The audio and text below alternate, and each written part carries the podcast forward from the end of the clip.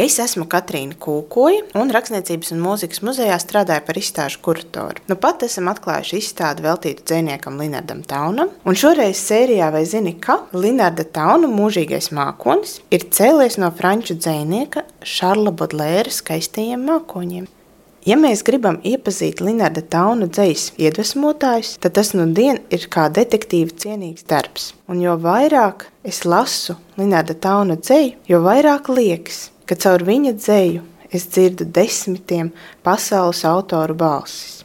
Pirmie pavadieni rodami intervijās ar Linārdu Taunu un viņa draugu atmiņās. Pirmām kārtām lielākais iedvesmotājs, ko iedzīst pats Linārds Tauns, ir Ņujorkas pilsēta. Ar nemitīgo ielu kņadu, ar neona gaismām, kā arī ar visu kultūras dzīvi, ko tā piedāvā pagājušā gadsimta 50. un 60. gados. Tie ir happeningi, tā ir laikmetīgā māksla, tie ir pasaules klases dzēnieki, uz kuru vakariem dodas gan Linārds Tauns, gan Gunārs Saliņš. Ja mēs lasām atmiņas par Linārdu Taunu, tad tajās nenoliedzami figurē trīs lielie viņa iedvesmotāji. Protams, franču dzēnieks Šarls Butlērs, poļu izcelsmes franču dzinieks Gijoms Apolinērs un velsietis Dilans Tomas. Ar Šarlu Butlēru ir pavisam interesants stāsts. No viņa Linārds Tauns aizgūst mākoņu tēlu. Dzējolis svešinieks, kas tulkots arī latviešu valodā, saka tā: Es mīlu mākoņus, tos mākoņus, kas aiziet.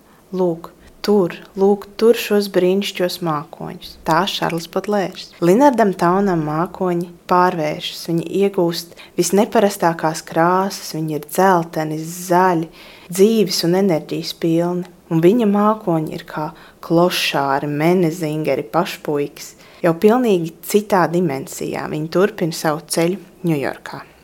Otrs lielais iedvesmotājs Taunam ir bijis Gijoms Apolinērs. Un viņiem ir viens kopīgs motīvs – gājiens. Pilsēta, kas ir nemitīgā kustībā, kas iet garām kā parāde. Dzēja ir dinamiska un pārsteigumiem pilna, un tu nekad nezināsi, kas notiks aiz nākamā pagrieziena, aiz nākamā ielas stūra. Savukārt Velsietis Dilans Tomas ir faktiski arī Linārda Tauna dvēseles brālis, jo abi ir nodzīvojuši ļoti īsu mūžu, bet atstājuši spilgtas pēdas savā dzējā.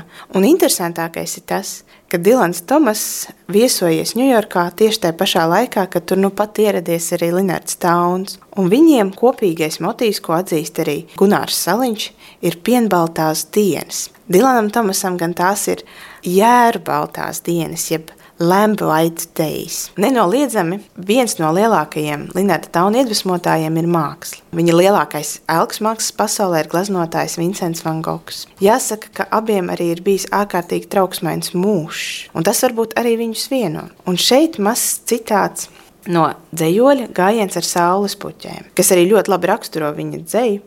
Tad saturēdams krāsas pats sevi, es glaznoju kluso dabu Un viņa dzēja patiešām ir kā tāda sajūtu glezna.